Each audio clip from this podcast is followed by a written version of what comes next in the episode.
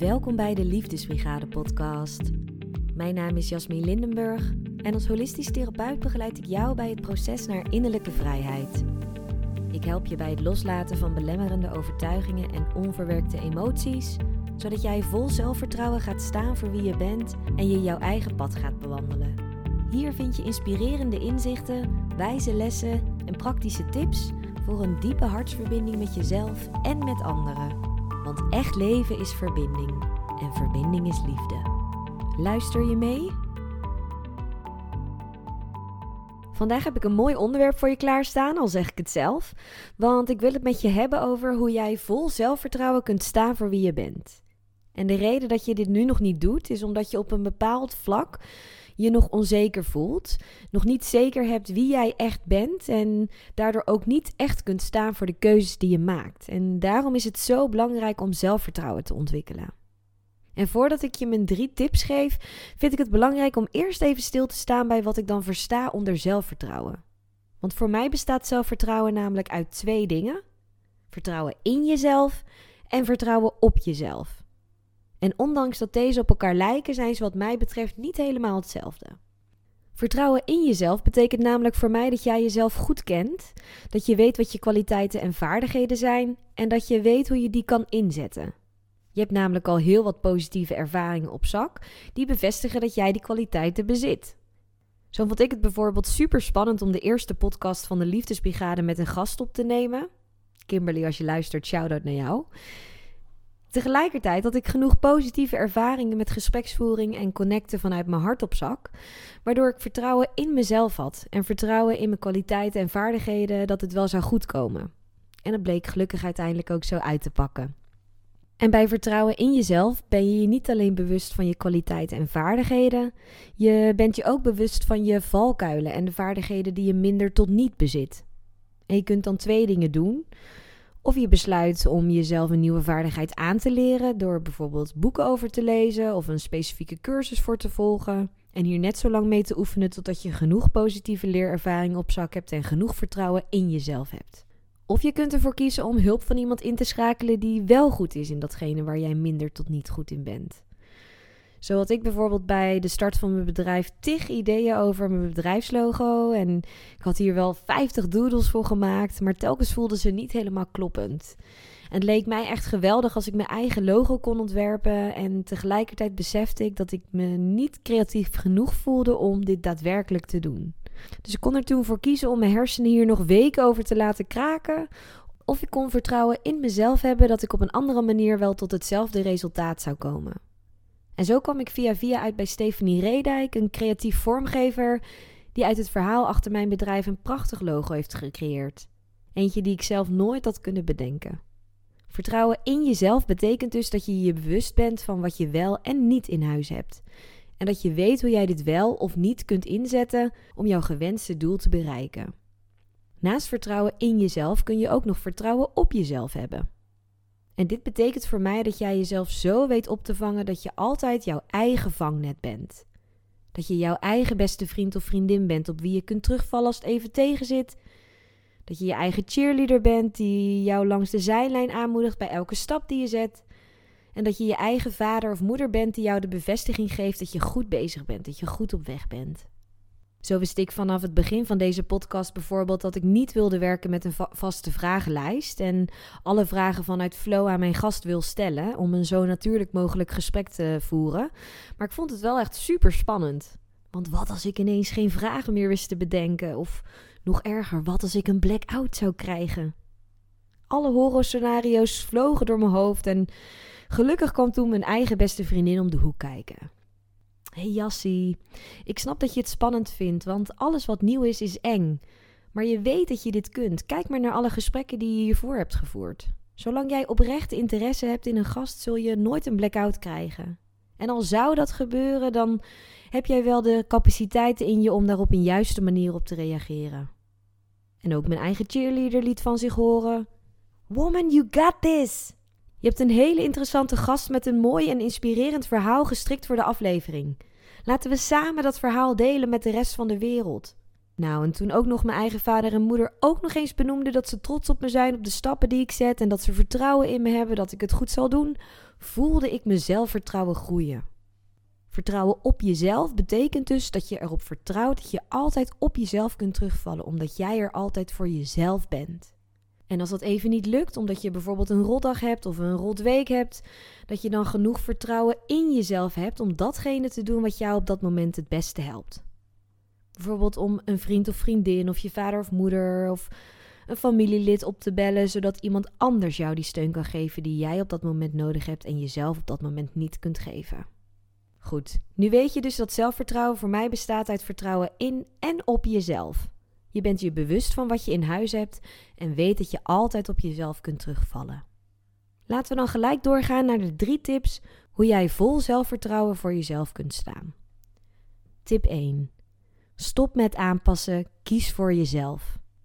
En ja, dat is inderdaad egoïstisch, want volgens de dikke van Dalen is een egoïst iemand die alleen aan zichzelf denkt.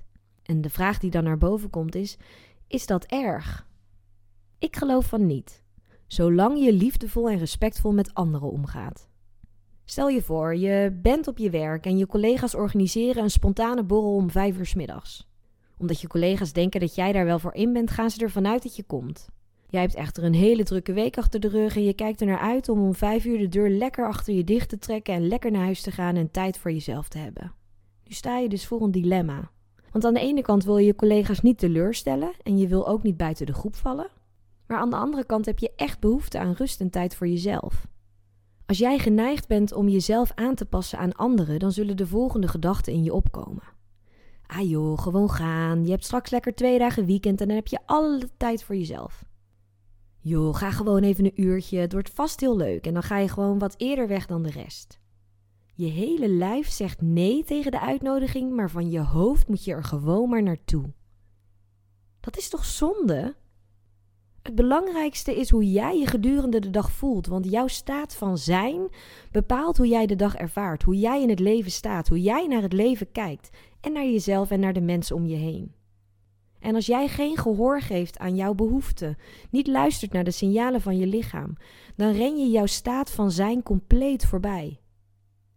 Alleen als jouw tankje gevuld is met energie, aandacht, zorg en liefde, kun jij vervolgens uit jouw volle tankje hetzelfde geven aan anderen. Dus zorg er altijd voor dat eerst jouw eigen tankje gevuld is. En dan wordt voor jezelf kiezen ineens niet meer zo egoïstisch, omdat je het in eerste instantie voor jezelf doet en er vervolgens voor anderen kunt zijn. En als je dit begrijpt, hiernaar leeft, dan kan het dus betekenen dat je de werkborrel deze week overslaat. Maar dan ben je er de volgende keer misschien wel weer bij. Dus stop met pleasen, kies voor jezelf. Pas als jouw tankje vol is, kun je er echt voor en met anderen zijn. Tip 2. Laat los wat anderen van je denken en maak je eigen keuzes. Hoe vaak komt het voor dat je eigenlijk iets wil doen, maar dat je zo bang bent voor de mening van anderen dat je het vervolgens niet doet? Echt staan voor wie jij bent impliceert dat je keuzes maakt die jou gelukkig maken omdat je inziet dat het jouw leven is dat je leidt en niet het leven van een ander. Door los te laten wat anderen mogelijk van je vinden, met de nadruk op mogelijk, want het zijn vaak zelf onze onzekere gedachten die wij projecteren als gedachten van anderen, kun jij keuzes maken die goed voelen voor jou. Want zal ik jou eens een geheimpje verklappen? Mensen zullen altijd wel een mening hebben, of het nou positief of negatief is. Het hoort gewoon bij het mens zijn om ergens iets van te vinden. Maar wie jij bent staat los van die meningen van anderen. stel je voor dat ik nu besluit om ineens mijn hoofd kaal te scheren à la Britney. Dan denk jij wellicht, waarom? Dat begrijp ik echt totaal niet. Wat lelijk. En een ander denkt, wow, wat mooi en wat stoer. Dat staat je echt heel goed. En weer een ander denkt, nou, ik hoop maar dat ze die lange manen gaat doneren aan Stichting Haarwensen, want daar kunnen ze een mooie pruik van maken. Je ziet dus dat je met één situatie verschillende meningen op kan roepen, allemaal vanuit een ander oogpunt. Maar dat betekent niet gelijk dat ik stom of cool ben. Jij kan dus van alles van mijn gedrag vinden, maar dat beïnvloedt niet hoe ik naar mezelf kijk. Zolang jij jouw eigen waarde, jouw eigen waarde, de waarde die jij jezelf geeft, ontleent aan de mening van anderen, blijf je altijd afhankelijk van wat anderen van jou en je keuzes vinden. Door in te zien dat mensen altijd wel een mening van je hebben, of het nu positief of negatief is, ga je beseffen dat je dan maar net zo goed kunt doen wat jij wilt. Je kunt immers nooit aan al die uiteenlopende meningen van anderen voldoen. Dus dan kun je maar net zo goed aan jouw eigen mening voldoen, toch? Dus laat los wat anderen van je denken en maak je eigen keuzes. Mensen zullen altijd wel een mening over je hebben. Uiteindelijk is de enige mening die echt telt die van jou, want het is jouw leven. Gaan we door naar de laatste tip. Zoek geen goedkeuring bij anderen, maar geef jezelf die goedkeuring. Toen je kind was, was je nog afhankelijk van je ouders. Mama, mag ik logeren bij mijn beste vriendinnetje? Papa, zullen we vanavond friet, pizza en pannenkoeken eten? Als kind was je door jouw leeftijd nog niet bevoegd alle keuzes zelf te maken en jouw ouders dienden als wijze raadgevers in het leven. Maar nu ben je geen kind meer, je bent een volwassene, met al heel wat ervaringen op zak. Je hebt dus geen toestemming meer nodig van anderen om bepaalde keuzes te maken en dus ook geen bevestiging of goedkeuring. Als kind had je nog niet alle mentale en emotionele vaardigheden om al je keuzes te overzien, maar nu als volwassene kun jij dit doorgaans wel. En je hebt dus geen goedkeuring van anderen nodig om iets te doen in je leven wat je heel graag wilt. En toch zijn er heel veel mensen die nog steeds goedkeuring bij anderen zoeken. En dat is vooral als ze zelf twijfelen over hun eigen keuze.